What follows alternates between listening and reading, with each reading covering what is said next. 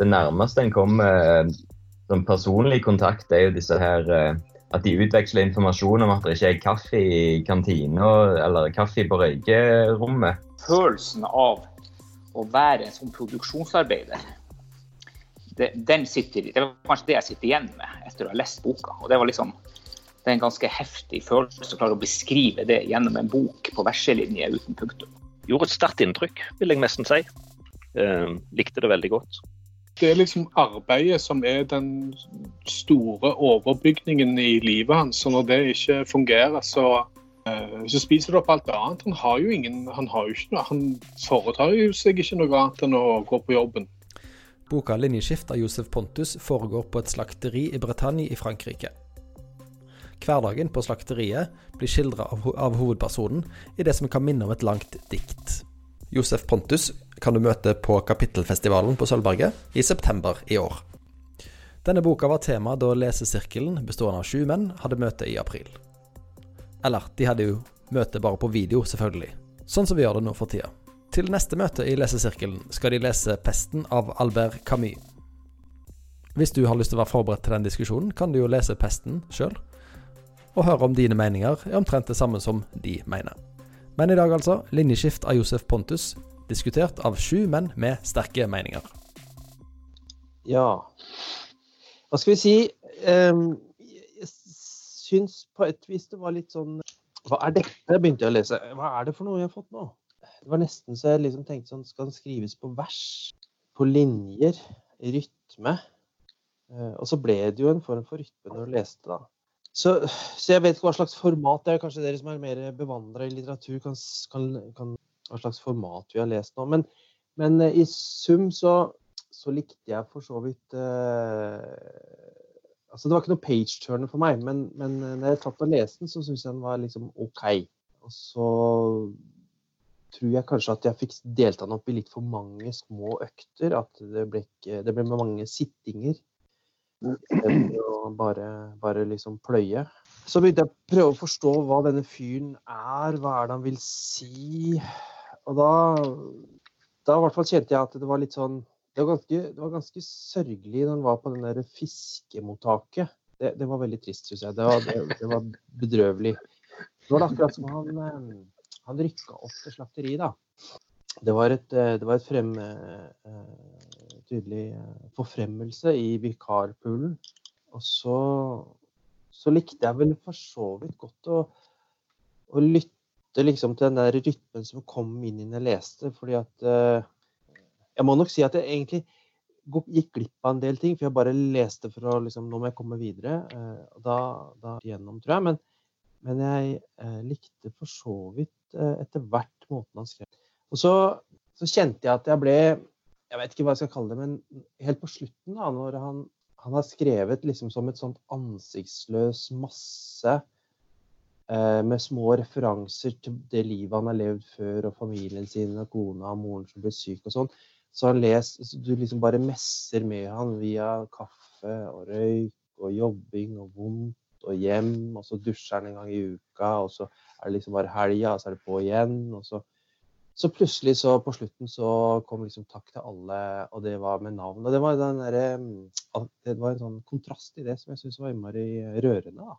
Fra å liksom bli litt sånn slept ned med han og slipt av med han i det jeg leste, til at plutselig så var det menneskenavn og hadde Så ja, jeg vet ikke, jeg jeg, tror, jeg, har, har, litt lyst til å sende den videre. Jeg syns det er vanskelig å bare snakke når jeg ikke ser dere og ser ikke noe med mikk eller noen ting. Jeg kan jo sitte og drikke og forestille meg det, men uh, men jeg tror jeg slipper det videre. Hvis du bare drikker nok, så kan du forestille deg at alle nikker uh, og tenker det, det hadde jeg aldri kommet på å si. det kan jeg gjøre, vet du. Men da blir jeg så høy på meg sjøl. Det er ikke bra, det heller. Du vet jo at vi alltid er enige med deg, eh, Stein. ja, og så sitter alle på video nå. med grimaser og ja. ja. Himle med øynene. Treffer hvem? Ja, jeg hadde jo store forhåpninger. Eh, det står her et mesterverk med enorm kraft. Eh, og at det er rasende morsomt, solidarisk, og det blir som en odyssé. Der Ulysses kjemper mot okseskotter og tonnevis av kongesnegler. Eh, Jeg tror nok at Homer kommer til å ta på Josef Pontus, altså. Jeg tror eh, den egentlige Odysseen kommer til å leve lenger enn denne. Jeg tenkte, jeg tenkte vel underveis at dette er sånne ting som diktere klarer å oppsummere følelsen av i et dikt. Um, og at det kanskje på en måte hadde vært et bedre format. Men det er jo det det er.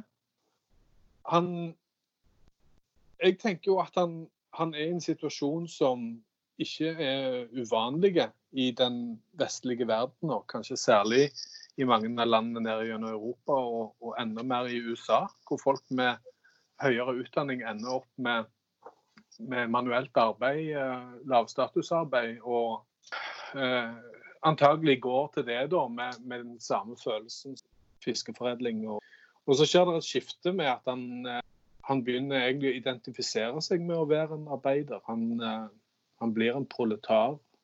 Og han, han velsigner til og med det å bli en proletar. Han sier at han, han, angsten har sluppet tak i han. Men han skuler jo virkelig mot verden, da, må jeg si. Han, eh, han skuler mot verden, og han syder noe Guds jammerlikt eh, over situasjonen sin. Det, det, er sikkert, det, er sikkert, sånn det kjennes, men så tenker jeg eh, det vekkkaster energi, og det mangler liksom erkjennelsen av eh, at uh, i ditt ansikts sved skal du ete ditt brød. At vi liksom, vi, vi kommer oss aldri derfra. Det, det, blir alltid sånn en, at uh, de aller fleste av oss må streve. Vi selger, vi selger et eller annet av oss sjøl for lønna. Vi selger ikke bare tida vår, vi selger hodet vårt eller hjertet vårt. Hvis han hadde blitt sosialarbeider, så hadde han jeg lova. Da hadde det vært, hadde det vært hjertet hans som hadde blitt delt opp i flere og flere biter. Til slutt til det ikke var noe mer medfølelse igjen igjen. Jeg syns det er interessant lesing, og jeg kan kjenne meg igjen i på en måte det raseriet mot verden utenfor av og til. Men det er veldig Det er kanskje litt enspora, syns jeg. Det, det, går mye i det samme. At han, han stabler kjøtt og røyker rullings og er misfornøyd med livet. Så ekte proletarisering. Ja. Tror jeg er ord videre der. Ja, eh, er det min tur da, kanskje? Ja, da var det deg, Svein. Eh, ja, vi heter jo Svein alle her, da, Svein, så Takk for Svein. Nå var det Svein. Hilsen Svein. Yes. Nei, men jeg syns du eh, hadde noen gode innspill der, Svein, som jeg, som jeg er enig med.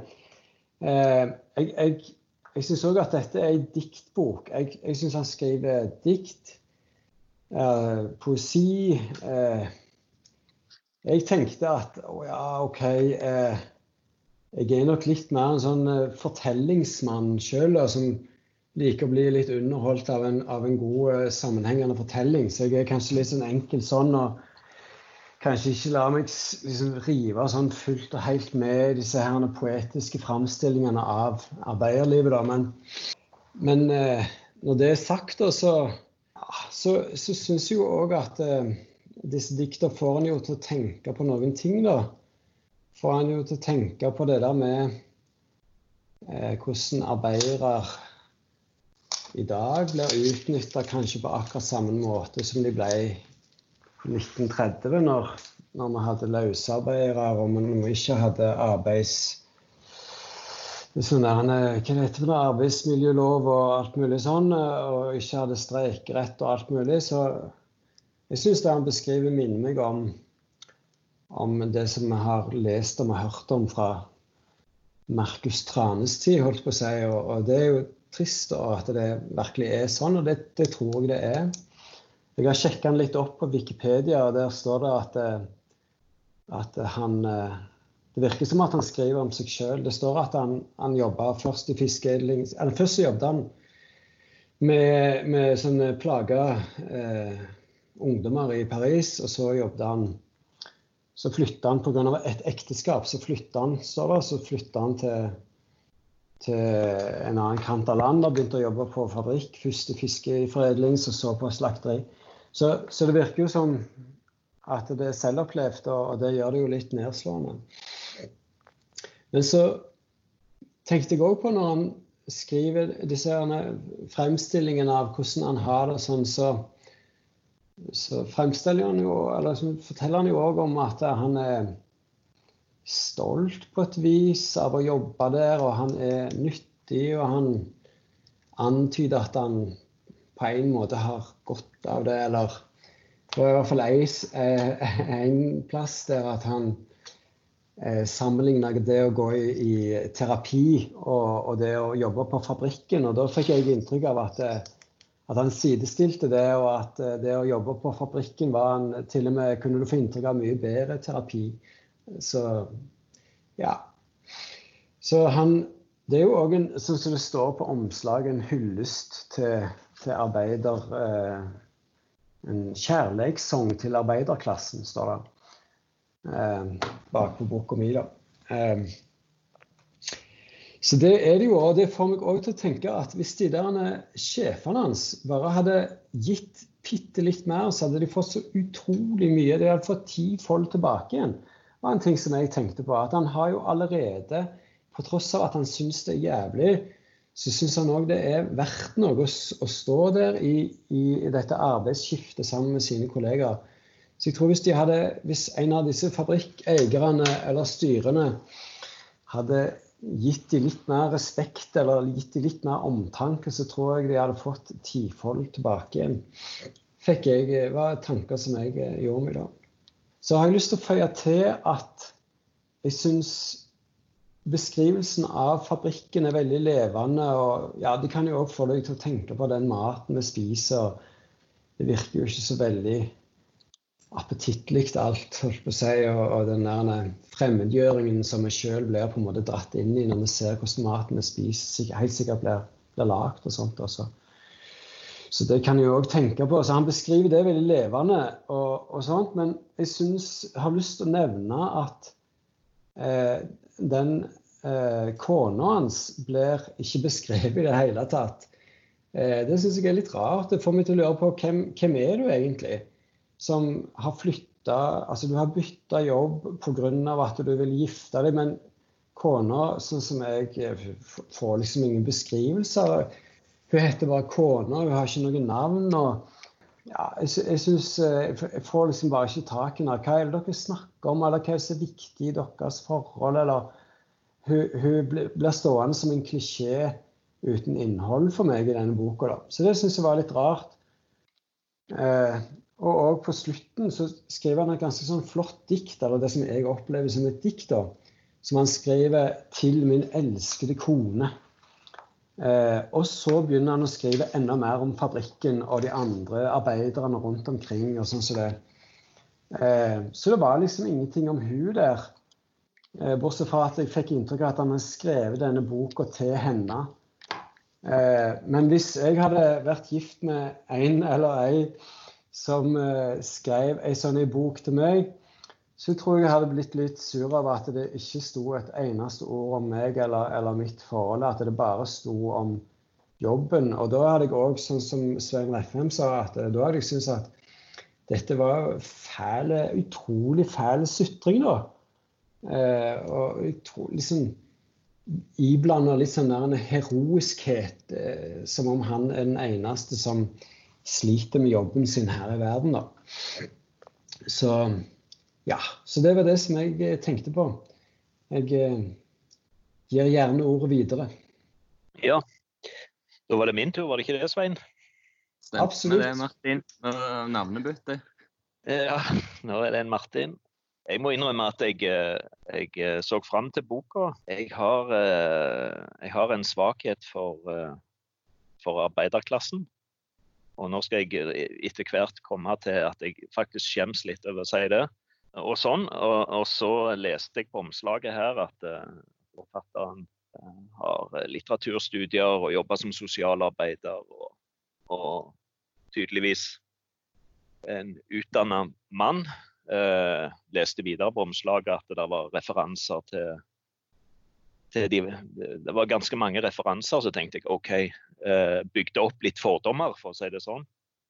Om at OK, her har vi nok en, en eh, trygt plassert eh, middelklasseperson som eh, har romantisert eh, rundt kanskje sin egen arbeiderklassebakgrunn, eller, eller romantisert eh, eh, rundt arbeidet og, og, og sånt. og begynte å kjenne på at trenger, trenger vi det?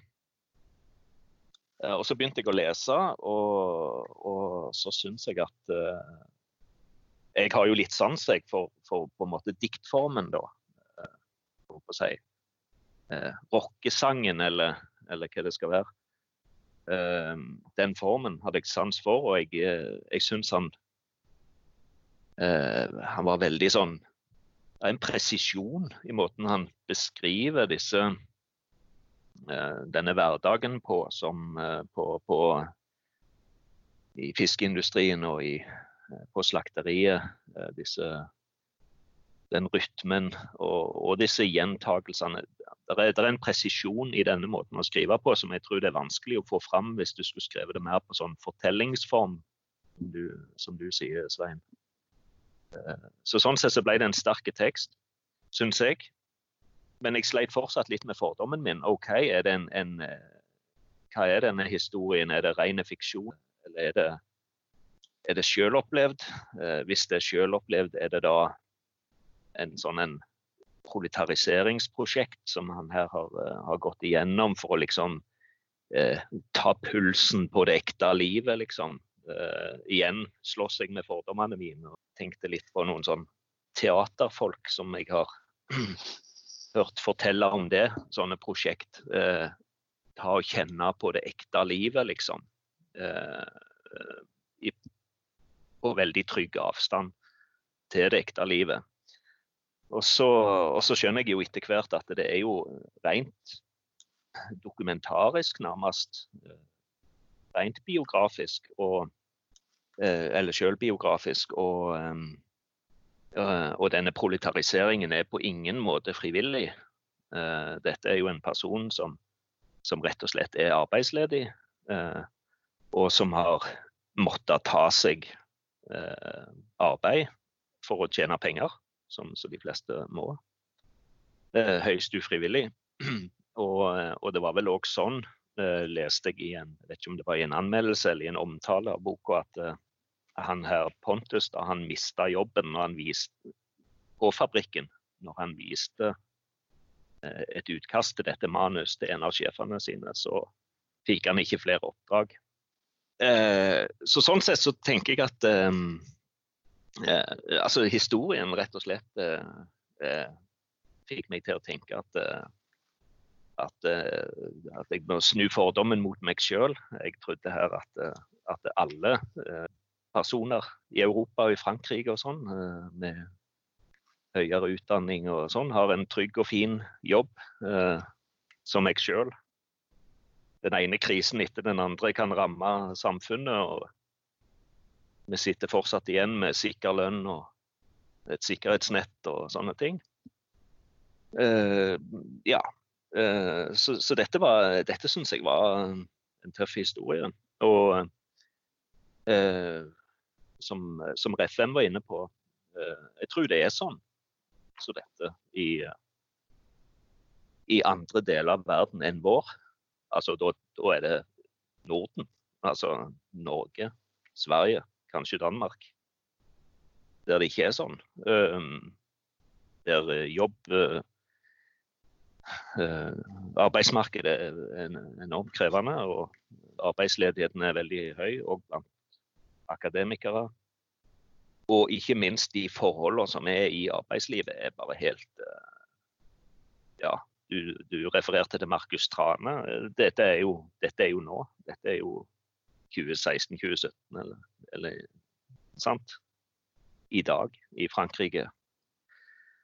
Um, ja. Um, plutselig så kan en kanskje forstå litt mer av bilbrenning og aggressive streiker og, og gule vester og, og, og, på en måte den der sosiale uroen som, som vi får referert. Kanskje særlig fra Frankrike, da. Eh, og jeg syns det, det, virker troverdig. Det står godt egentlig til litt, litt av den der undertonen i, i, i de bøkene vi har lest av andre franske forfattere, av Aalbeck og av, av han Edvard Louise òg. Beskriver et samfunn som er enormt mye mer harsh på en måte enn det vi, vi kjenner. Så um, ja jeg syns uh, historien, selv om den var skreven altså på diktform, uh, var enormt uh, presis og, og, realistisk på en måte. Og gjorde et sterkt inntrykk, vil jeg nesten si. likte det veldig godt. gleder meg til å snakke mer om dette når, når dere andre har, har sagt hva dere syns. Ja, jeg gir det videre. Veldig bra. Da er det klart. Um, ja, jeg syns tittelen på boka og da når du ser den sammen med tegnsettinga, altså linjeskift, dette monotone, sammen med tegnsettinga, det er uten punktum og på verselinje, det er med på å skape den helt monotone følelsen. Eh, som jeg tror er helt bevisst for at du skal få liksom, dette, denne fabrikkarbeiderfølelsen. Samtidig så blir det en sånn krasj av eh, ja, klasseforventning hvis jeg skal bruke det, da, at du, liksom, du har en fabrikkarbeider, en løsarbeider i realiteten. Han kaller seg vikar, men han er jo kanskje dette løsarbeidersamfunnet vi ser konturene av i Europa. Samtidig som han er en intellektuell. Altså Det blir en sånn krasj. Så nesten, i hvert fall jeg følte at jeg ble litt sånn fordomsfull etter hvert. Liksom hvor Det er en veldig uvanlig person å møte på, som setter en sjøl, da. En som jobber da som løsarbeider, som samtidig i hvert fall kan sette meg kraftig fast hva gjelder hva, gjelder hva man har lest og hva man kan. Eh, og etter hvert så får jeg et inntrykk av at han, han, han, er glad i jobben på sitt vis. Altså i hvert fall en slags glede over jobben. Det er veldig slitsomt. Eh, men etter hvert så leser jeg ikke en sånn forakt for jobben. Eh, historien er ekte fortalt. Det, er når jeg hører dere sier at han har faktisk en bakgrunn som fabrikkarbeider, så da dette på plass. For jeg, jeg, følte virkelig at det han beskrev, det måtte jo komme fra en plass som gjorde at han hadde opplevd det. og det, det var verdt det. Så jeg trodde på historien. Uh, så sånn oppsummeringsvis her, så, en sånn merkelig bok. Eh, som liksom, jeg får litt sånn her Kafka-følelse når jeg leser boka. Den følelsen av å være en sånn produksjonsarbeider. Det, den sitter, det var kanskje det jeg sitter igjen med etter å ha lest boka. og det var liksom det er en ganske heftig følelse å klare å beskrive det gjennom en bok på verselinje uten punktum. Jeg synes det er imponerende. Ja, det var det. Arnfinn, er du der? Da var det din tur. Ja, altså, jeg er den eneste av dere som er gammel nok til å ha opplevd, til å opplevd den litteraturen som AKP-medlemmene produserte på 70-tallet. Eh, det var òg arbeiderromaner eh, som bare det. Men det som jeg synes er den store forskjellen på mye av det som ble produsert den gang, og denne boka her, at her opplever jeg mye større grad av nærhet. Eh, det andre var, var mennesker som satt på blinderne der omkring og skrev arbeiderromaner uten å ha så forferdelig mye greier på hva de snakker om. Eh, så denne her måten å beskrive det på som, som kommer til orde i denne boka, her, synes jeg har en helt annen grad av nærhet til, til, det, å, til det å være proletar. Så det, det, Derfor tenkte jeg at dette, dette, var en, dette, var en, annen måte å skrive på enn det som ble produsert på 70-tallet. Hvis jeg skulle sammenligne det med, med f.eks. Kjartan Fløgstad, som ikke var tilhørte til denne, denne gruppa, men som likevel skrev arbeiderromaner i f.eks. 'Fyr og flamme', som kom vel tidlig på 80-tallet eller der omkring, så synes jeg nok at det er, det er en helt annen stil. Altså, En snakket om tidligere, flere av dere var på dette med hva hva type stil er dette? Er dette poesi? Er dette pros? Er det hva det er? Og, og, og jeg, jeg er enig i det de fleste har sagt, at dette ligger nok poesien nærmere, i motsetning til Fløgstad, som jo ikke skriver poesi i det hele tatt. Men likevel så synes det nok at det er en likhet mellom Fløgstads måte å beskrive arbeiderklassen på. Både fordi at Eller kanskje mest fordi at du legger merke til begge to, altså både Fløgstad og, og han Pontus, at at her er det snakk om folk som er, er nær, inn, nær innpå dette.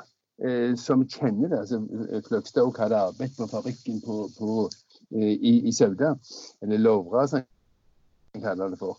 Og, og Derfor så, så, kan han dette. Han, han, han, kan det tekniske språk, han kan arbeids, altså arbeidsprosessene som er der. Han jobber der flere somre. Og, og folk som har lesebok som jobber i fabrikken, sier at vi kan ikke ta han på en eneste feil. Han, dette kan han. Han har virkelig satt seg inn i det. Og Noe av det samme følelsen får jeg her, at her er det en som kan dette. Og jeg tror denne boka her passer inn, selv om den har en litt annen innfallsvinkel så er den veldig i slekt med det vi har lest. Det var noen som nevnte at både Holbeck og Louise men òg den her, den den her franske professoren i sosiologi, som vel har vært en av lærerfedrene til Louise Villiers Rebaud, skrev en bok som heter 'Hjem til Rennes' for noen år siden, som beskriver noe av arbeiderklassen i, i nordlige nordvestlige delen av Frankrike. Eh, som på en måte er eh, altså innenfor de rammene som, som, som Eh, denne, denne romanen utspiller seg. Så jeg, jeg, eh, jeg, tenker at her, her har vi fått en, en, helt annen stemme eh, til å beskrive denne delen av Frankrike. Men det er, det er likevel det, det, stemmer veldig overens, selv om nok han politisk hører til på venstresida, og Holbeck er jo ikke mulig til å beskrive noen plass politisk. Erik Eribot og Louise er det lettere å beskrive på venstresida. Men iallfall så beskriver tenker jeg, et arbeidsliv som er totalt fremmed fra vårt. altså. Eh, nå, har, nå tilhører ikke jeg arbeiderklassen, har ikke jobba i noen fabrikker i det hele tatt. Men jeg nekter å tro at dette er, dette er, er, er den måten norsk arbeidsliv er organisert på. Dette er et helt, en helt annen type arbeidsliv. Jeg tenker, Er dette, er dette et uttrykk for de, de, uh, for de fire frihetene i, i, i EU? Er, dette de Eh, slik arbeidsmarkedet må bli når, når den liberale økonomien får, får eh, leve sitt friliv. Eh, det reiser en del slike politiske spørsmål som man jo er inne på. Og så et spørsmål det som meldes, som ikke ville meldt seg for to måneder siden, men det melder seg nå. Og det gjelder den måten en behandler slaktet på. Den måten, altså denne kvaliteten på dette, når kontrollørene kommer, at de gjemmer vekk det som, er, det som ikke er helt holdbart. Da tenker jeg liksom på det som har vært sagt om dyremarkedene i Kina. Altså at det, det foregår ting virkelig òg i i vår del av verden, eh, selv om Frankrike ikke Norge, som, som uh, sikkert er, er, skummelt nok, men som ikke har fått disse konsekvensene. Eh, en helt siste ting som jeg òg eh, slo meg eh, For det har vært noe, noen har nevnt med rette dette med, med at er han her en som er eh, Er han en proletar, eller, eller hva er han for noe, egentlig? Eh, og så kommer dette med selvproletarisering, som jo var en del av 70-tallets eh, diskurs. Og det, og det, er han jo ikke på den måten der. Men du merker likevel, for jeg, det er noe som slår meg, er denne her, at det, denne, disse kulturelle referansene hans, enten det tilhører den klassiske tida eller moderne tid, så er det som om disse, disse kulturelle referansene som en henviser til, og som en siterer seg av og til, er på en måte hans referanseverk som gir han en mulighet til å forstå hva han sjøl er del av, og som gir han styrke til å holde ut i, den, i, den, i det arbeidet han til, til, daglig holder på med.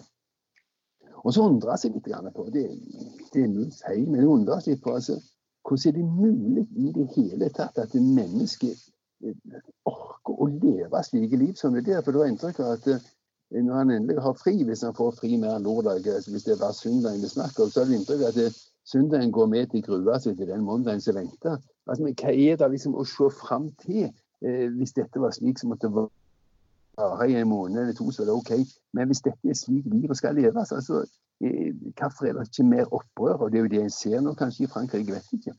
Men, men jeg synes denne her beskrivelsen av disse vonde kroppene eh, Det er sjelden jeg kan lese bøker som har beskrevet så mye vonde muskler, vonde rygger, vonde armer, vonde kår som helst. Altså, det, det, er en, det, er en, måte å beskrive virkeligheten arbeidsvirkeligheten på som for meg var helt ny, og som jeg eh, gjorde inntrykk. For det, det, selv om jeg av og til kjente at nå jeg rundt drittlei av å høre på ryggen din og skubbingen på disse skrottene. Jeg, jeg, vet jeg har fått det med meg. Men, men likevel så er det den, her, den monotonien som jeg tenker er, er tilsikta, men den gjenstendige gjentagelsen av hvor, hvor ille vondt dette her er. Men summa summarum tenker jeg det var, det var, det var en interessant bok, og det var ikke minst interessant fordi den, den på en måte er med på å, å, å si enda mer om det vi har vært inne på med de bøkene vi har lest tidligere. Iallfall de to forfatterne som har snakket om, altså Louise Holbeck. Altså det, er, det, det er en sammenheng i dette. Og det beskriver et Frankrike som jeg tenker er Frankrike er virkelig noe annet enn Norge. altså. Det var det i denne. Jeg, eh, jeg leste egentlig hele boka nå i helga, sånn i ett jafs. Og det, det var eh, Jeg hører noen av dere si at dere har lest den i litt sånn oppstykker. Og det, jeg tror han egner seg godt for å lese i ett jafs, altså. Eh, Men etter noen sider så, så tenkte jeg at grunnen til at han heter linjeskift, var rett og slett at han har brukt for mange av de. Jeg ble litt sånn eh, Før jeg kom inn i det, så ble jeg litt irritert på denne verseformen. Det ga meg assosiasjoner til sånn Instagram-poeter som lirer seg nødrim og følerier. og at det, det var liksom den retningen vi gikk i. Så jeg kjente at jeg begynte å hisse meg litt opp og tenkte skal jeg klare ei hel bok sånn som dette. Han var jo sutrete. Men så fikk jeg òg en sånn forklaring på den sutringa i den angstdiagnosen som han kom til et stykke ut i boka. At han liksom trengte å distrahere seg sjøl med sånn mundant fysisk arbeid for å temme den angsten. da. At tankene gjør seg om jobben er en måte å ikke tenke på seg sjøl på. Og så er det det med dette her behovet for penger da, som gjør at han må undertrykke andre tanker. Og selv om han omtaler seg som anarkist, så går jobbhverdagen foran alt. At han må gå på jobb. Han prioriterer det foran å være med å demonstrere, selv om han hadde gjort det før. Men det gjør han ikke nå lenger. Jeg tok meg litt sånn i å lure på om man kan lese som en kritikk av det moderne livet, der vi alle er sikkert av og til kan føle som vi jobber bare for å eksistere, eller eh, eksisterer bare for å jobbe. Eh, Og så handler det kanskje litt, eh, sånn som dere har vært inne på, om den her sirkulære økonomien og delingsøkonomien. Eh, som effektivt sett kan føre til en sånn sosial immobilitet. da. Om det kan være en forklaring på de gule vestene som, som stikker dypere enn det som vi får inntrykk av her i Norge. For her i Norge har det jo stort sett handla om bompenger, mens i Frankrike så har det nok vært uttrykk for noe mye eh, styggere, sånn som vi får skildra i denne boka. Arnfinn spurte om han er akademiker eller proletar, og det er vel kanskje noe av poenget med kritikken av denne delingsøkonomien, da. At den kan bli sittende fast, samme hvem en er. En fullstendig stuck i å bare tjene til neste husleie, sånn at en kan leve, og så må en gå på jobb igjen. Um, samtidig så strør han jo om seg med litterære referanser, så han er, ikke, han er iallfall ikke bare proletar. Jeg vil ikke være noe verre enn han, for jeg fikk noen assosiasjoner til, til denne vegetarianeren òg, av han Kang, som vi leste, leste for en stund siden. Disse grafiske beskrivelsene av kjøtt og blod. Som, ja, som, og de, de gikk jo igjen mange ganger. Veldig sånn eh, fine skildringer, egentlig, men, men stygge på samme tid. Eh, sånn at du Jeg fikk iallfall ikke lyst på burger, akkurat. Eh, men så minner det litt om denne her 'Farvel til Eddie Belgøl', hvis det er sånn du uttaler det. Som vi òg har lest. Eh, og den, den skildrer jo den franske arbeiderklassen på en litt annen måte. Det handler mindre om arbeid og mer om personene og konsekvensene av at de har det sånn. Men jeg syns de to bøkene sammen kanskje gir et ganske sånn eh, utfyllende bilde. I alle fall fra mitt lille perspektiv. Så alt i alt så likte jeg boka godt. Eh, Det var en litt sånn annerledes bok å lese, men så snart jeg kom inn i rytmen, så var det en fin eh, leseopplevelse. For det var jo en slags rytme i det, og det som Arnfinn òg sa med det det veldig monotone, messende i måten han skriver på, det, det er jo det har jo sin virkning, for det framprovoserer en følelse hos meg da, som understøtter fortellingen om disse her eh, endeløse hverdagene, der han bare holder ut og holder ut. Så jeg, jeg likte han godt, selv om han egentlig starta med at jeg ble litt irritert. Det var det jeg hadde å si. Godt å høre at du òg blir irritert av og til, Svein Vatne. Jeg skal ikke så mye til. ja, det er bra. Eh, Er ordet fritt, da? At vi kan eh, bare ko- kommentere litt? Ja. Mm. Altså, jeg fikk bare lyst til å hive inn på det der med, med, med opprør. Hvorfor, hvorfor gjør de ikke opprør? Eh, vil han ikke, eller eh, kan han ikke, eller sånn. Jeg, jeg tenkte at eh, det, som han, eh, det som han beskriver, er at eh, han F.eks. På, ett, ett punkt i boka så, så oppdager han eh, at det er en ganske stor skandale. Det er noe de holder skjult, vi får ikke vite akkurat hva det er. Men, men det er et eller annet med, med, måten de produserer på som helt klart ikke er bra. Og da våkner litt sånn raseri i han, og, og den, eh, journalisten han en gang var, skriver han. Og kanskje han nå skulle liksom gjort noe med dette her og, og gjort litt anskrik, holdt på å si. Protestert litt. Men så får jeg inntrykk av at han rett og slett er for sliten. Og jeg tenkte at kanskje er det sånn de i dag effektivt klarer å stoppe alle tilløp til opprør med at de rett og slett er for slitne. Og så er det jo òg det at de ikke kjenner hverandre. De blir flytta rundt hele tida eh, på nye og nye fabrikker, nye og nye arbeidsskift. Eh, sånn at det blir ikke Noen av de blir han jo kjent med bare i løpet av ei vakt, selvfølgelig. men de, de, får ikke tid nok sammen til å, til å bygge opp en, en, lojalitet og en solidaritet til hverandre. Så jeg tenkte at kanskje, kanskje det er det òg som, som er en del av den eh, fortvilelsen vi ser i de opprørene som har vært i Frankrike med de gule vestene og alt det der med at det, det blir litt sånn, litt sånn retningsløst opprør. For det at vi har ikke fått egentlig tid til å samle seg. De vet bare at de er slitne og fremmedgjort og underbetalt og overkjørt. Så ja. Så det var noe, noe jeg tenkte på. Jeg vet ikke om noen av dere andre tenkte på noe av det samme om hvorfor, hvorfor gjør de ikke opprør, egentlig? Eller hvorfor Det var jo en plass det var streik òg, men så er det akkurat som at det Det nytter ikke. Øystein og Svein Refvem har kommentarer, begge to. Jeg kjører på Svein Refvem for det. Um, altså, um, jeg, jeg, tenker Hvis du tenker strukturelt på det, så um, er lagdelinga sånn at det er ulike elitenivåer også blant arbeiderklassen. De driver og streiker, de andre som er fast ansatt.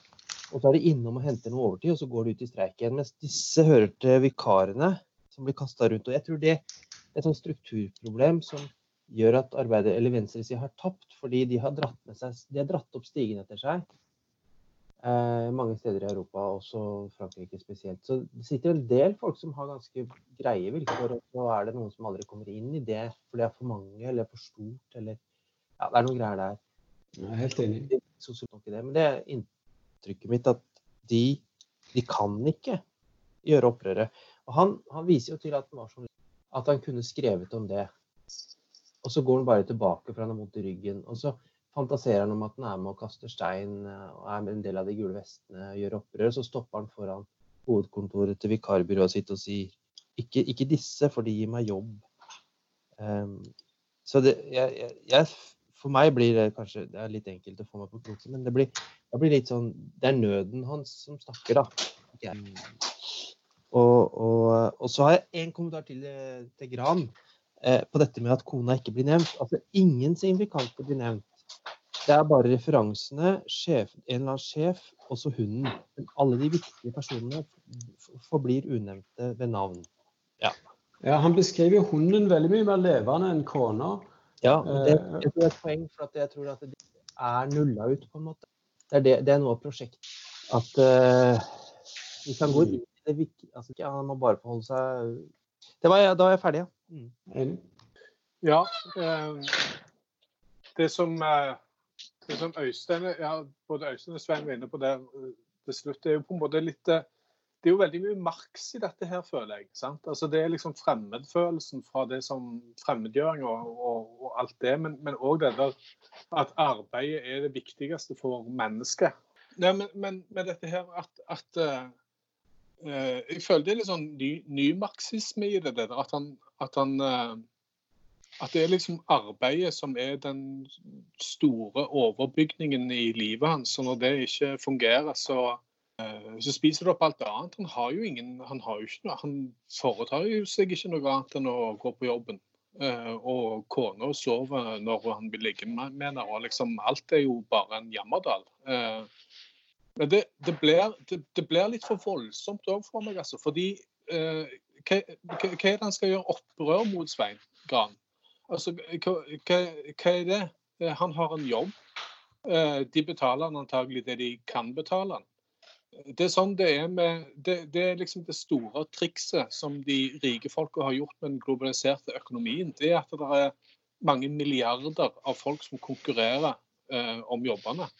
Sånn at vi tynte hele veien. Mm. Så, så eh, det, er jo, det er jo veldig mye som kan, kan diskutere rundt samfunnsstrukturene våre og sånt, men liksom hva, hva skal han gjøre opprør mot? Alt? ja, det, det, kunne jo vært, eh, det kunne jo vært et bra prosjekt. Men eh, nei, jeg tenkte jo mer at eh, For meg så høres det ut som at han indirekte egentlig beskriver at han ikke har OK arbeidsvilkår. Eh, at det er ikke forutsigbart nok, det er ikke fast nok. Eh, og det er faktisk litt for stor arbeidsbelastning. Jeg får jo tanker om at han, han, kommer, sli, han kommer ikke til å klare å ha den jobben i 30 år. Det, kroppen tåler det ikke. Sånn at eh, jeg, jeg tenker opprør og opprør, men i hvert fall forhandle med de som eier denne fabrikken. Og, og forhandle om, om bedre arbeidsvilkår, sånn som arbeidere i vårt land har, har gjort med stort hell. Eh, og, men, men de, sånn som det er nå, så, så er de så fragmentert og fremmedgjort og slitne og overkjørte at det, det går på en måte ikke an eh, å, å samle seg. Så det var det, var det jeg tenkte på. Ja, jeg, jeg vil, vil gjerne føye meg inn litt i denne her eh, politiske analysen. Eh, Det er to ting som er interessant der, syns jeg. Det ene er, er dette her med referansene til Marx og, og til den der klassiske arbeider, arbeidersaken, liksom. eh, Arbeiderkampen, klassekampen. Og så er det det poenget som, som eh, Øystein tar opp, som kanskje har vært en sånn, blitt en sånn eh, En del av denne eh, samfunnsstrukturen som, eh, som skiller eh, Som skiller virkelig de som er avmektige. Eh, og det er ikke arbeideren, det er ikke den organiserte arbeideren, den fast ansatte, som Øystein sier. Det er den klassiske insider-outsider-problemstillingen til, til fagforeningene. Altså? De, de som er innafor, de, de er redda. De kan, de kan eh, demonstrere, de kan, de kan slåss for sine rettigheter. Og så blir det en større og større kaste eh, av folk som ikke har noen, eh, noen rettigheter. Og den, den der har vi jo sett en variant av i, i, eh, på våre trakter òg, i forhold til i forhold til utenlandske arbeidere som har kommet til Norge og, og tilbudt sin arbeidskraft. Sant? Og der, eh, der arbeidsgivere har eh, ja, det, har blitt mange, eh, det har jo blitt mange kamper for, for dette med tarifflønn og dette arbeidet mot sosial dumping og sånne ting. Men egentlig så er det en kamp der eh, fagforeningene eh, Litt vanskelig av og til å se hvilk, hvilken side de står på. Fordi de kjemper, de kjemper kampen for tariff og for arbeidernes rettigheter. Men i en verden der et større og større sjikt av befolkningen som trenger arbeid for å, for å få mat på bordet, står utenfor foreningene, så, så, så, så står egentlig fagforeningene eh, egentlig i like sterk front mot de som i utgangspunktet da eh, allerede er, er på en måte outsidere her. Like mye mot de som, som, som storkapitalen, eller, eller hva du skal kalle det. Så det, det er et eh, interessant eh, frampeik. Nå, nå kommer det jo i forbindelse med denne her eh, situasjonen vi står i nå, med, med total lockdown av hele verden, så å si, så, så kommer jo eh, denne diskusjonen om eh, sånne ting som borgerlønn, eh, nye måter å organisere eh, økonomien på, da, eh, opp. Eh, sant? Og, og det som jeg syns du får beskrevet et lite men veldig relevant antagelig, og, og veldig treffende sånn bruddstykke av virkeligheten på, er denne her produksjonsdelen av økonomien. De som faktisk produserer noe som vi har nytte av, nemlig mat. Hvordan foregår det der? Og hva er det de, alle de andre produserer? Plast som vi ikke trenger, eller tjenester som, som, som bare er overflødige. sant? Um, så, så ja. Um, så kanskje det er et uh, ganske betegnende, eller en ganske god beskrivelse av noe som ulmer mange steder i verden, og som, og som kanskje vil, vil nå på en måte være kimen til ganske store omveltninger i måten vi ser på hvordan vi organiserer samfunnene. Og, og i vår del av verden. I Europa sant, så, er jo disse fagforeningene sterke. Altså, vi har et organisert arbeidsliv, og det inkluderer jo egentlig hele Europa. Men nå blir det kanskje en, en, en en kile mot, mot, en sånn endring som er nødt til å komme, som kanskje har bedre grunnlag for å oppstå i, i USA, kanskje, der fagforeningene er mye svakere. Kanskje dette med borgerlønn, kanskje dette med nye måter å organisere litt mer sånn bottom up, eh, har større grunnlag for å lykkes faktisk i USA enn det har i Europa, var en tanke. Ja, jeg, eh, jeg, tror jo òg sånn som dere var inne på tidligere, at det at ingen blir navngitt, må være et bevisst grep for å understreke denne fremmedgjøringa. Du, du, får jo ikke personbeskrivelser i stor grad her. Det, det nærmeste en kommer sånn personlig kontakt, er jo disse her eh, At de utveksler informasjon om at det ikke er kaffe i kantina eller kaffe på røykerommet. Eh, men òg eh, den ene arbeideren som, eh, som, gir uttrykk for at han er glad for å ha han tilbake igjen med å slippe en drops i lommen på han uten å si det, uten å gjøre noe nummer ut av det.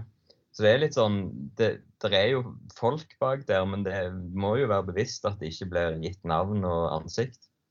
Og jeg tror jo at boka kan, og egentlig bør leses veldig politisk. Det handler jo mye om det der med bruken av midlertidig arbeidskraft som er på grensen til sosial dumping. Uh, og det uforutsigbare i det å være vikar på den måten er jo både, gjør jo både at han blir stående sånn på stedet hvil, ikke kommer seg noen plass med livet sitt. Men samtidig så er det jo òg det som gjør at han finner en slags ro i å måtte jobbe for overlevelse, kanskje heller enn selvrealisering. da. Han sier jo sjøl at det, det monotone det, dette her eh, presset for å overleve og komme seg på jobb og bare klare seg gjennom knallharde fysiske dag, er det som gjør at han eh, slipper unna den angsten som han har vært plaget med. Så det er, det er, et eller annet der med at han er jo òg lykkelig oppi alt dette her som ser fælt ut. Han finner jo en slags eh, tilfredshet i det livet. Selv om, selv om det blir skildra på en sånn brutal eh, og til dels sutrete måte. Arnfinn? Uh, nei, jeg uh, tenkte når jeg, når jeg, ser den her, at han går på denne jobben her med disse plagene, så tenker jeg at det, dette er jo en mann som har en viss glede av den selvskading som dette arbeidet påfører ham. Det er en merkelig spenning i dette. Det ene. Det andre så jeg tenker det Du får inntrykk av at Eh, her er det en slags total fragmentering. altså Det er en balkanisering av samfunnet.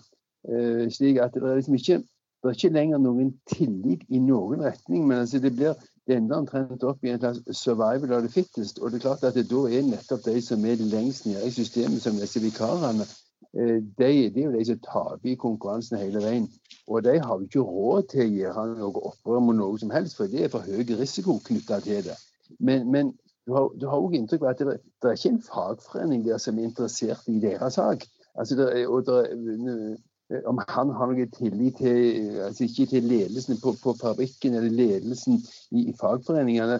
Det er liksom, altså alt det som vi har snakket om nå i Norge i samband med denne koronakrisen, så har nettopp vært det med utgangspunkt i at vi lever i et samfunn tross alt der det er mye tillit. Eh, tillit, altså om du tilhører høyre eller venstreside, så tror jeg ingen har mistillit til denne regjeringen på den måten at en tenker at de vil oss nok ikke vel. De er nok ute etter én ting, nemlig at flest mulig skal dø. Det er ingen som har slike tanker, med mindre de ikke er helt gode. Ellers så har vi en tillit til, til systemene våre i Norge.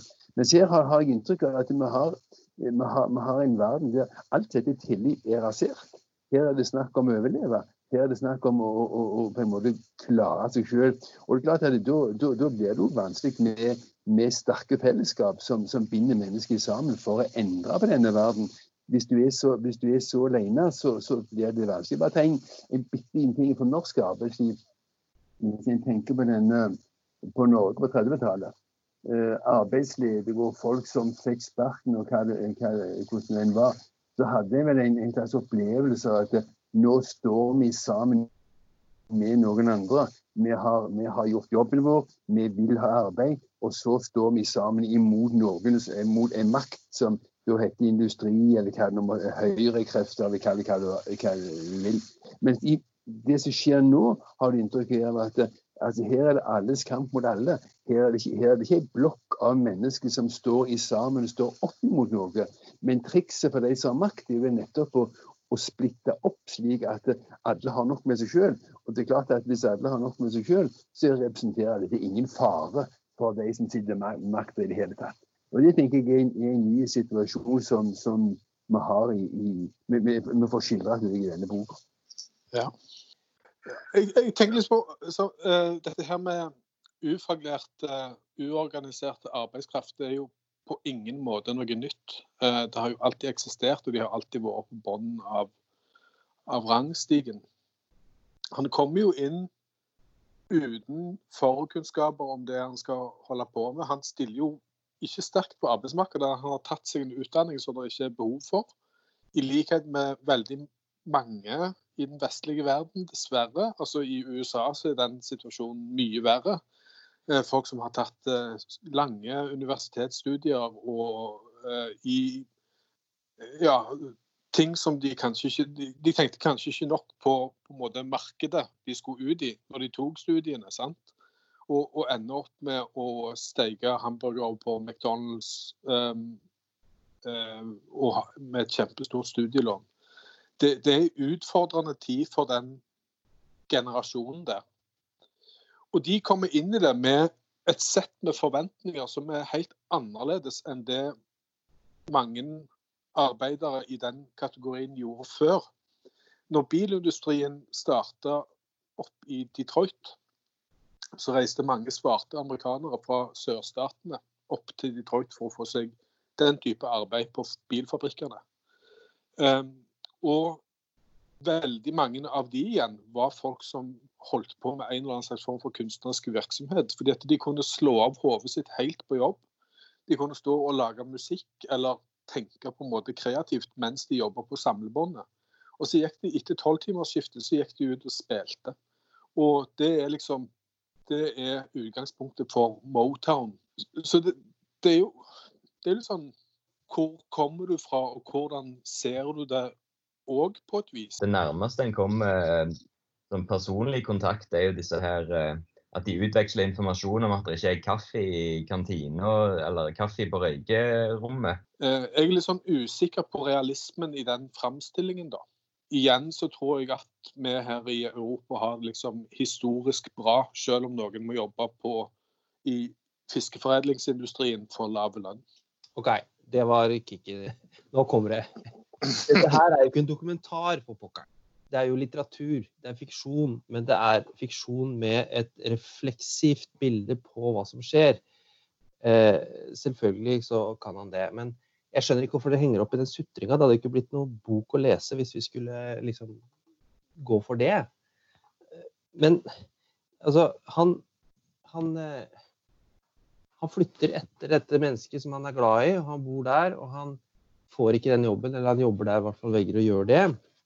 Og så prøver han å skrive denne boka istedenfor å skrive en avslørende artikkel. Og tenker at den når kanskje ikke så bredt, men den når lenger, denne boka. da, En protest og en avsløring på noe skandalegreier. Så jeg, for meg så ble det sånn Jeg fikk eh, Jeg ble minna på eh, Jeg ble minna på to ting. Jeg ble minna på at når det største griseslakteriet i verden, som ligger i Danmark, skulle ha en promovideo etter å ha blitt pressa på å beskrive hva som skjedde inne på det slakteriet, så nekta de å la denne filmteamet komme inn der dyra ble avliva. Så de så bare griser som gikk i kø inn, og så kom det skrotter ut. Og det, det skriver han om. Han skriver om den er så drøy at uh, vi orker det ikke, og så, og så, foregår det. Og det står de. Og da kjenner jeg kjente litt den derre jernlukta, ja, det blodet der. Så jeg, jeg, likte, jeg, likte, den delen av det. Det var ekte. Det andre jeg tenker på, er Hvis dere har sett 'Kampen for tilværelsen', som er en sånn uh, Erlend Loe-produksjon som gikk på NRK, jeg tror den ligger på HBO nå, som handler om uh, Ullevål Hageby og det litt slitsomme hagelivet der oppe og alle polakkene som eh, bor i kjellere rundt forbi, og som, eh, som, eh, kjøres ut og settes ut i hagene for å flytte på hekker. Det, det er en, en, bra referanse for vår egen tid. Så jeg, jeg likte jeg, tenk, jeg tenker at um, denne her Jeg har ikke så mye behov for å Altså, jeg tror dette nå lenger enn å organisere seg, for jeg tror fronten Altså, vi har ikke Martin, du sa det der med, tre, med fagforening i Europa, men de har ikke trepartssamarbeidet heller. Altså Det står jo for fall hos oss også, eller i hvert fall er under press. Men det er jo kjempeviktig forklaring på hvorfor det ikke går så greit der nede. Det var et spørsmål. Kort uh, replikk til Øystein. Jeg leser det heller ikke som en dokumentar, men jeg uh, sier sånn at uh, litteratur er ikke litteratur hvis de ikke setter et samfunnsproblem under debatt.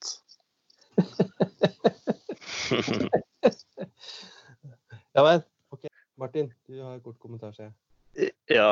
Eh, og det var egentlig for å, for å, for å følge opp eh, det poenget som du starta med, Øystein, først. Dette her med, med Jeg òg la merke til at det var litt sånn, eh, litt sånn Han hengte seg opp i at det var sutrete.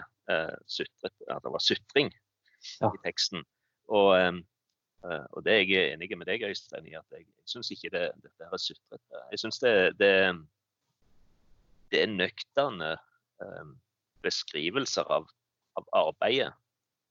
Eh, det er riktignok ikke eh, så voldsomt mye kanskje Du finner kanskje ikke så mye arbeidsglede her. Men det, er òg en hyllest på en måte til arbeidet, betydningen av arbeidet, viktigheten av arbeidet og sånn. Men det, det, jeg syns det først og fremst er nokså nøktern det er ikke upolitisk på noe som helst vis. Det er opplagt politisk tekst, som også er sagt her. Men, men, men, men eh, jeg holdt på å si, jeg tenkte litt på det, på det som vi nå bevitner når vi ser disse her pressekonferansene eh, knytta til denne koronakrisen. Det er noe vakkert ved at fagfolk og, og folk som er, er, vant med og som insisterer på å beskrive fakta, beskrive vitenskap, beskrive kunnskap så, så, langt som vi har det. Står side ved side ved politikere som du til daglig ikke er veldig enige med. Og så syns du at det er vakkert å høre hvor godt de snakker sammen. Nå gjelder det liksom. Nå må vi, nå må vi snakke om hva det egentlig handler om her. La, la, la de politiske eh, kjepphestene, la den svulstige politiske på en måte retorikken eh, la den til side litt, og så, og så la oss heller løse dette problemet. Og Det er det jeg syns han, han, gjør her. Han beskriver, han beskriver, et arbeidsliv, han beskriver et produksjons, en produksjonsvirkelighet, en matproduksjonsvirkelighet, som jeg tenker faktisk.no skal ha problemer med å, å, å, å tilbakevise eh, realiteten i. Så, så, Sånn sett så syns jeg ikke det sutres. Jeg syns det er et kjempegodt forsøk på å beskrive hvordan det faktisk går uh, dette her med trepartssamarbeid og sånne ting. Ja, nei, altså, uh, Det var jo det som slo meg at når jeg sa det at jeg skjems litt over mine egne fordommer sånn med en gang. For det, det, er jo det som er vår realitet her. Vi, vi, vi, vi lever i et, et såpass overflodssamfunn at vi har, vi har, jo ikke arbeiderklasse igjen til å snakke om, nesten. sant? Altså, Bortsett fra polakkene, da? Ja, nettopp. Akkurat som jeg, som jeg prøvde å, mm. å, si noe om i stad. Så vi så det, eller der vi ser det i dag, disse problemstillingene, så er det i forbindelse med, med, med arbeidsinnvandring. Eh, kanskje nå eh, sist eh, illustrert med, med, de eh, som jobber i landbruket eh, vårt, som, eh, som, på en måte ikke fikk eh, fornya opphold. og så ble det plutselig et problem for landbruket. at de mista masse kompetanse. Men hvor var stemmen til de folka sjøl i dette? Det, det, er kanskje der vi ser det. Mm. Eh, Vi har jo lagt ned all industri. Vi har jo, vi har jo, mat, eh, har jo matindustri i Norge òg. Det har vi. Eh, Men kanskje ikke av disse formatene. Ikke, eh, vi har hørt om det eh, fra Danmark og andre, som du sier, Øystein. Svine, svine, svinefabrikker og, og, og sånne gigafactories eh, der dyrevelferd og hygiene og eh, i det hele tatt er, er på helt andre nivåer enn det det er eh, kanskje. Må du slippe til spørsmål, Martin, ellers så, ellers så blir det dårlig Ja, så Det, det går nok bra. Nei, jeg, bare, du, eh, jeg har bare et spørsmål til, til Martin og, og dere andre òg, selvfølgelig. Og, og det er det der med at hvis, hvis dette er forfatterens sitt opprør, eller det, kanskje han som du Øystein sier egentlig når ganske langt, hva, hva kan denne type diktning da føre til? Hvis det er poesi, så poesi jo kan jo få oss til å drømme og tenke om hvordan vi vil at det skal bli, eller hvordan vi tror kanskje at det kan bli. Og du Martin sa jo noe så vidt om det der med at eh, ja, kanskje en, en nå må se på borgerlønn, eller så, se på andre måter å organisere samfunnet på med bottom up-strukturer. eh, Jeg lurer på om noen av dere har tanker om hva Hvis, hvis det er så fremmedgjort og så fragmentert eh, som, som han gir oss grunn til å tro at det er. Hva vei kan samfunnet ta herfra? Hva løsninger ser vi, ser vi nå? Har, dere, har du tanke om det, Martin? Ja, jeg ser, jeg ser eh, Kurt vil, vil kommentere, men jeg vil gjerne bare gi Jeg skal være kort. Jeg tenker, jeg tenker tilbake til den der med, med disse fagfolkene og politikerne som står side ved side og prøver å løse et problem. Jeg tror et, et bidrag med denne type litteratur, som er det er fiksjon, enig, men det er- det er dokumentarisk òg på et vis. da. Det er jo selvopplevd, altså på en måte. Eh, ikke bare på en Mm. måte, det, det er jo det. Ja. Eh, Altså det dette kan eh, bidra til, det er kanskje et annet nivå på, på å diskutere hva slags samfunn vi vil ha, hva slags, eh, hva slags organisering vi vil ha. eh, Mm. Hvordan vi skal se på mennesker. For det han beskriver, er jo òg en, en stor masse. Eh, Det er kanskje den vi representerer, som er helt blinde for hvordan ting lages. Sant? Det kommer diskusjoner om barnearbeid, det kommer diskusjoner om, om eh, sosial dumping og, og, og den type ting, selvfølgelig. Men, eh, men eh, sånne beskrivelser er enormt viktig uh, informasjon i, uh, til folk i et levende demokrati.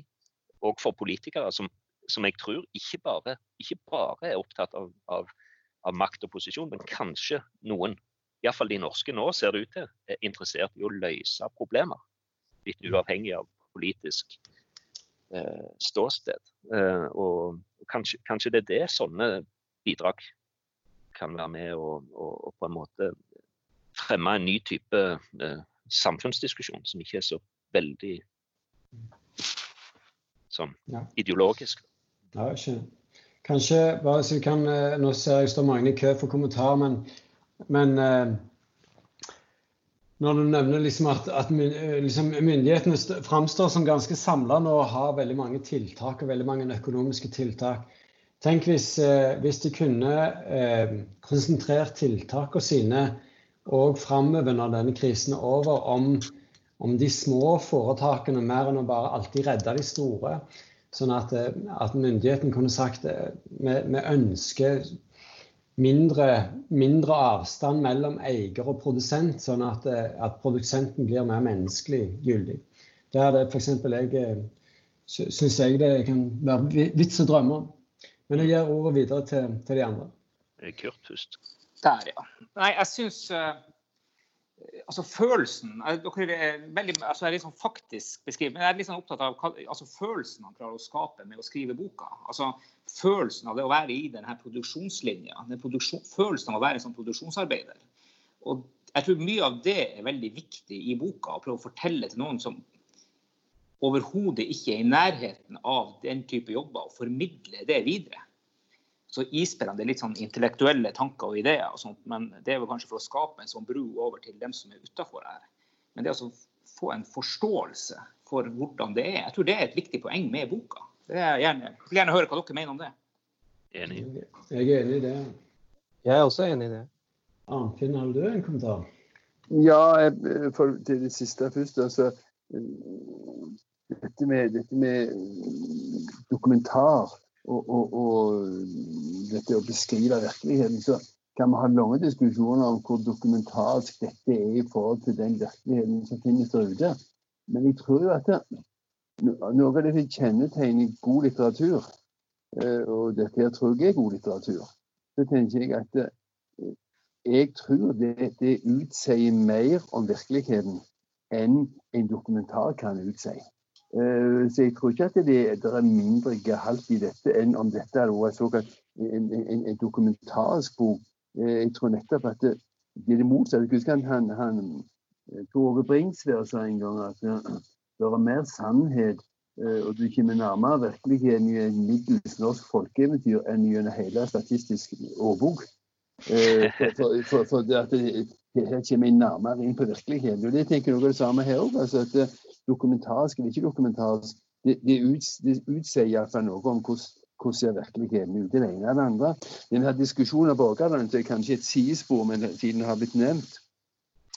Jeg vet ikke om jeg er altså, Den økonomiske siden ved saken mener jeg ingenting om. Det har jeg ingen peiling på. Men det jeg er mer skeptisk til, det er noe som jeg opplevde flere ganger i psykiatrien. Som slett ikke var Det var ikke borgerlønn der heller for unge psykiatriske pasienter. Men det som av og til slo meg, det er noe som jeg knytter til et grovt trygdemisbruk. Det var at eh, unge mennesker som, som eh, var psykisk ja, ikke helt på høyde, som sleit med mange ting, de får ei uføretrygd. Og så er det som om samfunnet sier at nå har du fått det du skal ha, nå er vi ferdige med deg, og så, og så får du klare deg. Du har fått uføretrygd, det var godt nok. Og og så er ferdige med det. Så, de, så får de ingen mulighet for å delta over, altså være deltakere i samfunnet, men du blir sett på sidelinjen med en sabla stor, ikke sabla stor engang, men med en godtepose eller med såpass mye at du ikke er svelt i hjel. Så, så tanken med borgerlønn, selv om jeg forstår det økonomiske poenget ved det, så er jeg ikke sikker på om det er løsende, og at om ikke det er en lettvint måte å komme fra det på, i stedet for å si at nei, vi har et ønske om et samfunn der alle skal få en mulighet for å delta. Eh, Det er sikkert mer krevende, eh, og, og økonomisk sikkert ikke, ikke, ikke, ikke klokt.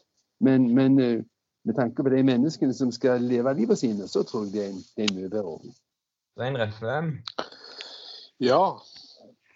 Eh, litt sånn forskjellig her. Eh, noen av dere eh, opplever at han ikke at han ikke syter han her, men at han legger fram på en måte en, en eh, realistisk framstilling av eh, matvareindustrien. Eh, jeg tror jo at hvis en hadde, hvis en hadde vært kollega med noen som delte sånne tanker daglig, så, så ville en på et tidspunkt oppleve det som negativt eh, orientert. Um, og, og, og så er, lurer jeg på en ting. Altså, jeg, eh, er vår mann her er han en protagonist, eller er han en antagonist? Er han en helt som kjemper mot store krefter som han, eh, som han til slutt overvinner? Eller er han en fyr som deltar i et eh, ganske skakkjørt, ikke bærekraftig eh, samfunn hvor han er misfornøyd og først og fremst tenker på seg sjøl. Eh, eller er han en, eh, et eller annet midt imellom, et, et typisk vanlig menneske som på en måte flyter med i, i begivenhetene rundt seg, prisgitt en, en økonomi og krefter som er uhåndterlige for han uansett. Hva, hva er synspunktene på dette, dere? Her er han en helt, eller er han en antihelt, eller er han bare en vanlig mann? Kan, kan, kan jeg få kommentere det? det syns jeg. det ja, nei, jeg, han, er, han er verken en, en, en helt eller en antihelt. Han er en, en, en vanlig person. Og det er det, så, det er det jeg forbinder med det, det realistiske. Det minner meg om en eh, det er en, en som jeg eh, kjenner som bor i et helt annet land, eh, bosatt i California. Han er nederlender og har familie i Nederland. Og han, han har ikke høyere utdanning, men han, han, han, han virker som båtbygger. da. Og har jobba som båtbygger og hatt, hatt, hatt, arbeid der. Og for en ca. 20 år siden så, så jobba han som båtbygger. Det var seks timers, nei, seks dagers uke, og det var eh, ikke veldig høy lønn, men nok til å kunne på en måte brødfø seg sjøl, brødfø familien, eh, ta opp et huslån og sånn. Så ble en eh, i nær familie i Nederland alvorlig syk, og han hadde behov for å ta en tur til, eh, til Nederland for å, for å besøke den i nær familie før, før vedkommende dør. Eh, får bare beskjed av sin arbeidsgiver at det, ja, det må du gjerne gjøre, men når du kommer tilbake, så har du ikke jobb. Eh, en vanlig mann. Ikke noe helt, antihelt heller. Bare en beskrivelse av, av, av, av en, en, virkelighet, da. Jeg eh, sto etter, etter deg, Svein. Eh, Refem, jeg er litt sånn på Jeg følger Jeg er veldig enig med Martin i dag, og det er jo men, men jeg tenker han, altså det er ikke, De kategoriene dine er ikke gyldige, da. Altså, organist her. Han, han er 40 han har levd et liv. Han ser tilbake på en eller annen av de der heltene sine fra den radikale tida som hoppa foran et tog. Altså, det var ikke alternativet. Han, jeg, jeg, tror ikke han Altså, han flytta sammen med opp til kona si, og der skal han være. Og så, og så, må han jobbe her for å overleve. Vi vet ikke helt hvorfor og ikke, men det tenker jeg for meg er det uinteressant, fordi um, han Altså, det er derfor jeg sier det ikke er noen dokumentar, for det er jo, det er jo sånn sett fiksjon. Men jeg syns han prøver å unngå å sutre. Jeg. Vi får tilgang på tankene hans, men han sier, han sier jo ikke det til han som bor med røykan hele veien og aldri jobber heller. Så jeg skjønner ikke helt den sutringa. Den skjønner jeg ikke hvor det kommer fra. Men så er det en helt annen ting som jeg har tenkt på, som jeg lurer på om dere har reflektert over. Når moren hans sender en 50 euro for at skal, det som det koster å ha han hjemme en lørdag, hva, hva, tenker du om den? En mor som dør her av um, leukemi? Det var et spørsmål. Mens de andre tenker på spørsmålet, så kan jeg ha en kommentar. Eh, jeg vet ikke om jeg har et svar til deg, jeg heller. Uh, For den 50 eh, euroen. Um, det var jo en sånn slags menneskeliggjøring av en relasjon, i alle fall. da. Men, men, noe som jeg tenkte på når jeg leste eller etterpå, er jo at uh, denne boka kunne han jo ikke skrevet uten å ha levd det livet. For jeg tror ikke du hadde klart å beskrive på den måten uten å ha erfaringen vi hadde ikke klart å vi hadde ikke klart å uh, skrive dette ut fra våre livserfaringer. Men samtidig så tror jeg heller ikke den jevnt over en vanlig slakteriansatt hadde klart å skrive dette. Så det er liksom noe med kombinasjonen av, av, den bakgrunnen han har og der han har havna, som gjør at han klarer å gi uttrykk for det. Uh, og det er nok mange som har lignende yrker, jobber, uh, som vi ikke hører om. Fordi at de da kanskje ikke er eh, verbalt eh, i stand til å skrive noe sånn som dette. For, for, mye av virkningen i fortellingen tror jeg kommer av måten det er skrevet på. Det er ikke bare dokumentarisk, det er jo som et dikt i, i romanform. Så det var et eller annet litt interessant der. At det, det er sikkert mange sånne fortellinger som vi aldri vil høre om. Og vi kunne ikke ha skrevet den samme fortellingen, vi heller. Det, det har kanskje med, med, med, nettopp det at det, det er ikke sikkert uh, den der fortellingen, eller at, at annen, et annet format er like effektivt som f.eks. Uh, rappteksten eller rocketeksten eller, eller, eller, langdiktet. som det, det, rett og slett tilfører en, en presisjon som det er nesten umulig å, å, å å få til med, på en annen form. Da. Jeg tenker at det kan hende, Martin, men det er jo ikke, altså, han valgte nå dette. Mm. Altså, til med de 50 euroene, jeg òg tenker at dette er et uttrykk for altså, et, et menneskelig tilsnitt. Altså, her er en mor som sender dette. Det, det, det, det, hjelper jo ingenting, for så vidt.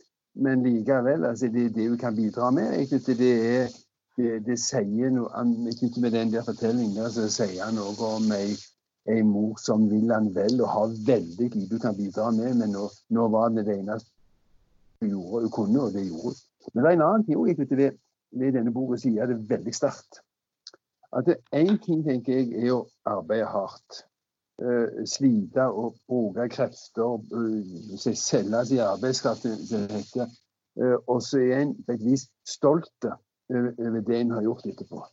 Jeg, de som opplever det her, så er det jo for så vidt så kan han være stolt over at de var ferdige et kvarter eller en halvtime eller en time før det som, det som en hadde tenkt seg og det en hadde trodd på forhånd. Men det er jo òg en form for skam knytta til det han holder på med. Han er med i en industri som, som han, han, han, er jo ikke stolt av dette. Han er ikke stolt av det han gjør i fiskeriindustrien, og enda mindre av det han gjør i dette slakteriet. Han er på en måte med på å vedlikeholde noe som han er mer enn skeptisk til, og som han ser har altså, som, som, er, som er tvilsomme greier. Både fordi at den måten jeg bruker arbeidskraft på, men òg den måten jeg behandler dyr på.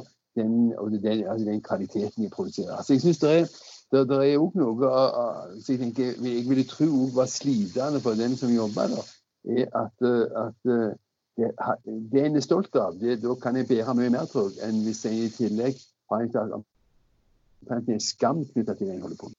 Jeg, jeg vet ikke kan jeg sky, skyte inn eh, til deg, Arnfinn? Jeg, jeg, kom på når du snakket nå det er litt, um, Denne Pukk-Pukk, denne hunden, den, den, setter jo svært pris på å sleike hendene hans. og liksom, altså, Den er jo eh, hvis, vi, trekker det sammen med de navnløse andre, da, Svein og Skammen i dette her, så Altså Gran, Svein Gran. Det navnløse andre og, og, skammen i dette her, så er det sånn at den hunden representerer jo på en måte grådigheten. da, Som eh, som eh, når han kommer hjem og vil slikke rein eh, blodet fra hendene på han og, og, er veldig fornøyd med liksom å ha fått den blodsmaken. Og, og, også den der, der han går og kjøper seg disse måltidene sånn til nesten fem euro, som er jo nesten, ja, mye penger da, for å få litt mat i seg. Så det er noe, det er noe med den skammen. Ja, den, eh, den, det er godt poeng. Ja, jeg syns òg det. Og det er jo det er ikke noe lojalitet eller noe stolthet over det han er, han er med på. Eh, og, og, de som driver denne, denne, butikken og denne fabrikken, de, de, utsetter jo arbeiderne sine for sånn bullshit-kommunikasjon. De, de, ler jo av disse oppslagene. Eh, ler bittert av disse oppslagene der de har lagd noen sånne figurer som sier at ja, jeg er så glad at jeg ikke har eh, utsatt meg selv for noe farlig i dag. Eller jeg husker ikke helt hva det var, men de gikk på sånne ja, sånne eh, falsk positive kommentarer via en tegneseriefigur. Mm. Som jeg syns er ganske gjenkjennelig. Og jeg, jeg tror at eh, eh, det hadde vært en, en, løsning faktisk for de som eier den bedriften, hvis de hadde fått til en mer ekte kommunikasjon med de som gjør dette arbeidet. Eh, det er ikke sikkert det hadde vært så vanskelig. Jeg tror til dels vi har fått det til i, i Norge, iallfall med de som var arbeiderne. De som er manuelle arbeidere nå, de, de kan sikkert ikke snakke språk engang. Så der er det ikke noe kommunikasjon. Men jeg tror faktisk det går an å ta folk med på råd. Og, og, og vise fram hva utfordringene en har, og, og få, få en samhandling mer enn å bare eh, fragmentere og gjøre folk til, til leilendinger og moderne slaver. Så ja. Så jeg håper jo at den, den eh, boka her kan òg inspirere folk som, som eier ei produksjonslinje, til å tenke på hvordan skal det egentlig så utrolig mye til å skape samhold. Det er jo en en, en, slags, en, slags, spirende stolthet over det å jobbe, i hvert fall. Og over det å stå skulder med skulder med, med de andre. Så, sånn at det, det, det kunne de som, som, har satt i gang alt dette her, spilt videre på Øystein for å være så utrolig, utrolig fjerne. Ja, dere må komme på banen, FM. Ja. Ja, Øystein. Du mener at uh protagonist, antagonist, er ikke gyldig i denne sammenhengen. Det er jeg jo uenig i. Ja. Det, det, går jo egentlig ut på uh, Det går jo egentlig ut Har vi sympati for denne karakteren, eller har vi ikke sympati for denne karakteren? ikke sant? Og, og har vi sympati for han, så, så vil vi på en måte tenke at han er slags offer for omstendighetene. Det som vekker mest sympati for meg, det er når han beskriver at altså, han beskriver på en måte sin mestring av situasjonen da, gjennom å si at angsten min er vekke. Eh, ambisjonene mine om å bli det som jeg først ønsket å bli, det har jeg lagt fra meg.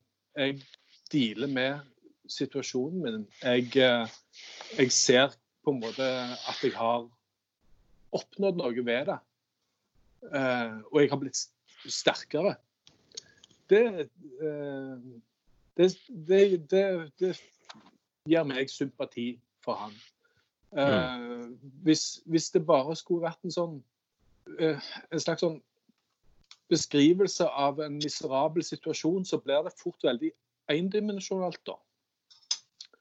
Uh, sånn, litt sånn, det der Er det en dokumentar eller ikke? Selvfølgelig er det ikke en dokumentar, men, men liksom um, Hvis vi bare skal tenke på han som et, et menneske som, som, flyter i omstendighetene, så blir det endimensjonalt. Vi må se på han som et handlende subjekt, og, og, og, hva han gjør og hva han tenker, og hvordan han manøvrerer seg gjennom situasjonen sin.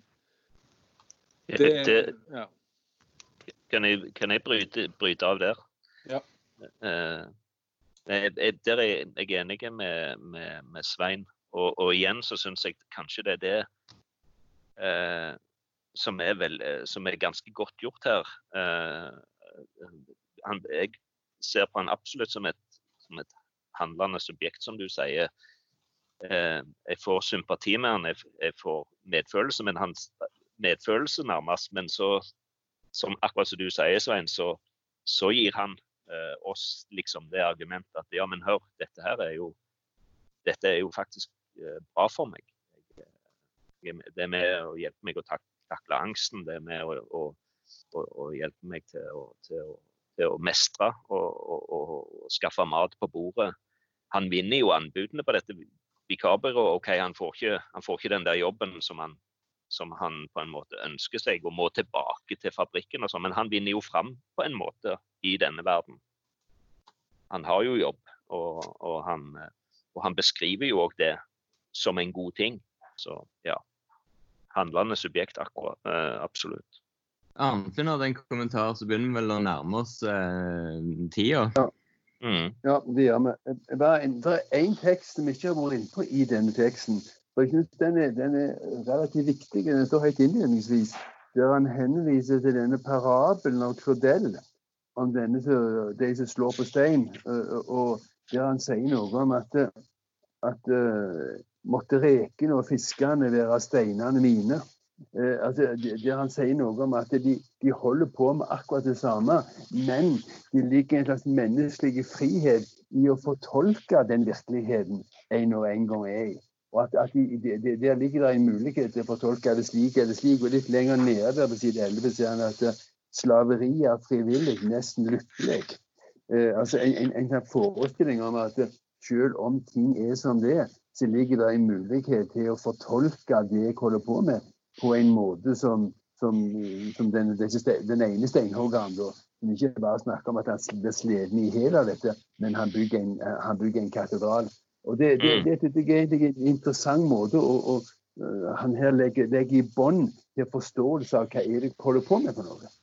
Det, det, det er jeg helt enig i, Arnfinn. Jeg, jeg syns det var en veldig fin eh, parabel som han refererte til der, som jeg ikke hadde hørt før. Eh, dette med at hvordan du, du, ser på det du holder på med, har, har, alt å si for hvordan du har det. Men allikevel så syns jeg at den, eh, den politiske brodden ble jo veldig vekke hvis Eh, da er det som at han ikke ønsker en politisk forandring. Han sier bare det at eh, det å, å, å jobbe med å, å slakte eh, kuer eller flytte på kuskrotter, det er akkurat like bra som alt mulig annet. Og det måtte skifte fra fabrikk til fabrikk, og det måtte liksom få en utsliten rygg, det, er, det kommer an på hvordan du fortolker det.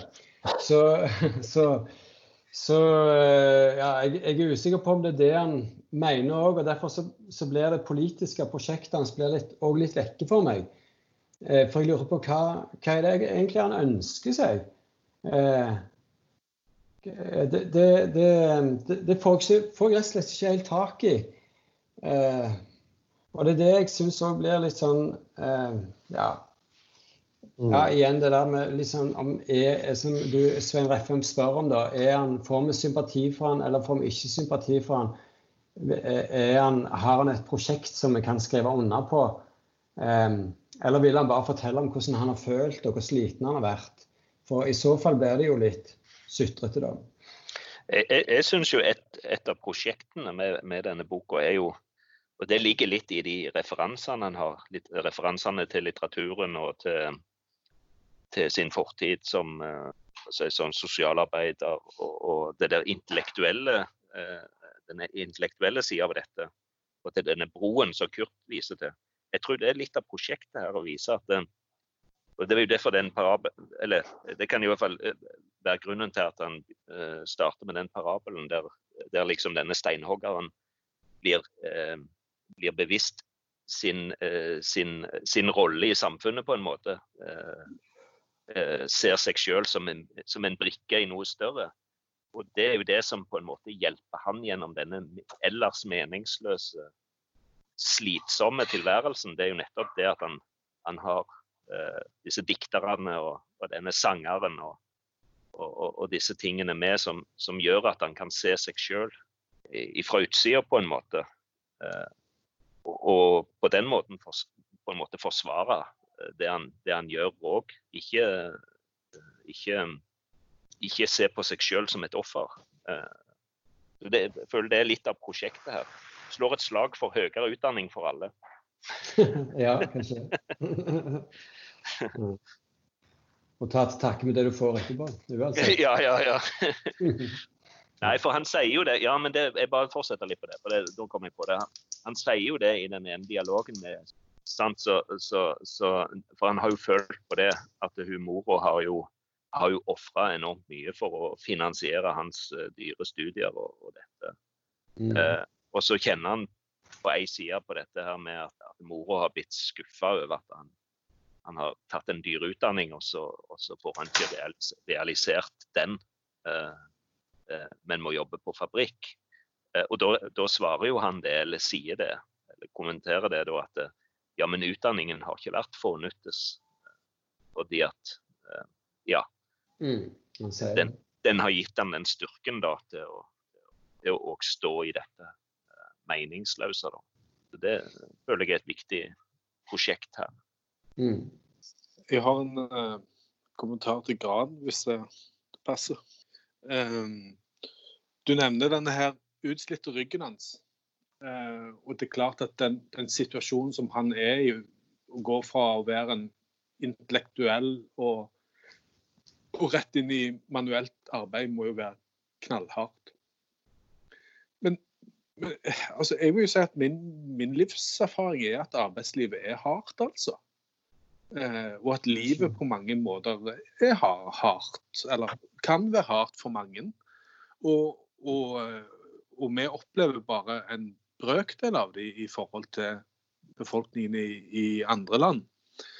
Eh, jeg tenker litt på den der eh, kronikken som du skrev for eh, et års tid siden om, om de opp, den oppvoksende generasjonen og nivået av depresjon i befolkningen, og på en måte hva vi går inn i voksenlivet vårt med av sett av forventninger. For, for, det vil jo være være ganske sånn utslagsgivende i forhold til hvordan vi ser den situasjonen som vi kommer inn i. Vi, vi kommer liksom som barn og ungdommer med drømmer og forestillinger om, om hva vi skal bli, og, og, at det skal bli betydningsfullt. Og, så når vi blir voksen, så opplever vi at det blir ikke spesielt betydningsfulle. Og, og, det var ikke så kjekt på jobb likevel som vi trodde når vi gikk på skolen. Mm. Eh, jobben tar et eller annet fra deg. Han suger ut et eller annet av deg. En eller annen plass i hodet eller hjertet eller ryggen eller armene. Eller det, det er ikke bare tida jobben mm. tar. Mm. Nei, jeg, jeg, er enig og tenker at vi kanskje i, i våre liksom overspente drømmer om, om hvordan bra samfunn vi har tenkt å lage til, så har vi kanskje endt opp, endt opp med å lyge litt for ungene våre og si at når du blir voksen, så skal du få det så skal du få veldig mye veldig mye respekt og veldig mye eh, Du skal oppleve veldig mye spennende, og du kommer til å, å gjøre en kjempestor forskjell. Og, og, det er jo fint å si, men det er jo ikke sikkert det er helt sant. Eh, og da er det jo ikke til å undres på at de blir litt eh, deprimerte når de kommer opp i 20-åra og begynner å avsløre de løgnene. da.